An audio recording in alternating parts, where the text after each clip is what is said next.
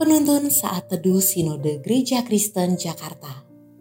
Jumat 21 Mei 2021 Judul Renungan Sudut Pandang. Diambil dari Kitab Roma 8 ayat 28 Kita tahu sekarang bahwa Allah turut bekerja dalam segala sesuatu untuk mendatangkan kebaikan bagi mereka yang mengasihi Dia yaitu bagi mereka yang terpanggil sesuai dengan rencana Allah. Diperhadapkan dengan pandemi COVID-19, musisi Erwin Gutawa tak terjebak dan berhenti berkarya. Meski harus di rumah aja, beliau menciptakan ajakan bermusik melalui Tutti Challenge. Dalam istilah musik, Tuti merupakan kesatuan seluruh musisi untuk memainkan hal yang sama, mulai dari not, tempo, dan aksennya. Ajakan ini mengundang respons dan antusias tinggi dari para penikmat musik, sehingga tahun ini diadakan kembali untuk kali kedua.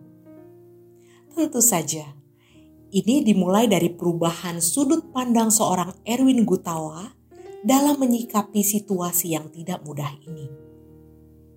Dalam perjalanan iman kita pun tak jarang diperhadapkan dengan situasi yang sulit. Namun, sudut pandang kita akan menentukan bagaimana kita berespons. Seperti yang diungkapkan oleh pendeta Daniel Lukas Lukito bagaimana kita bereaksi terhadap situasi yang ada akan mencerminkan apa sebetulnya iman kita. Melalui suratnya kepada jemaat Roma, Rasul Paulus memberikan bekal untuk kita memandang segala yang terjadi dalam hidup kita. Kita beroleh pengertian bahwa Allah dengan segala kedaulatannya bekerja dalam segala sesuatu untuk mendatangkan kebaikan bagi orang yang mengasihinya. Segala pekerjaannya adalah bentuk pemeliharaan secara menyeluruh bagi umatnya. Pemeliharaan ini berjalan dalam kehendaknya dan ditujukan bagi mereka yang mengasihinya.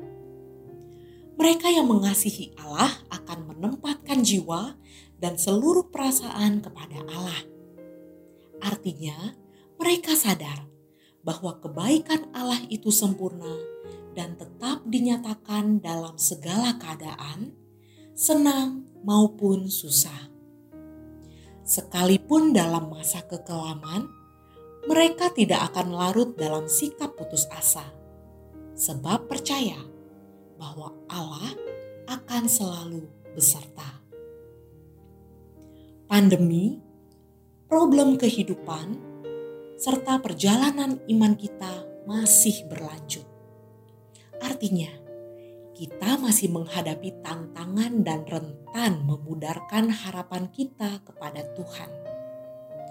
Namun, melalui firman-Nya, Allah meneguhkan kita bahwa pemeliharaannya sempurna dan rancangannya penuh damai sejahtera sebagai gerejanya, kita diperlengkapi dengan berbagai karunia rohani untuk menggenapi tujuan mulia.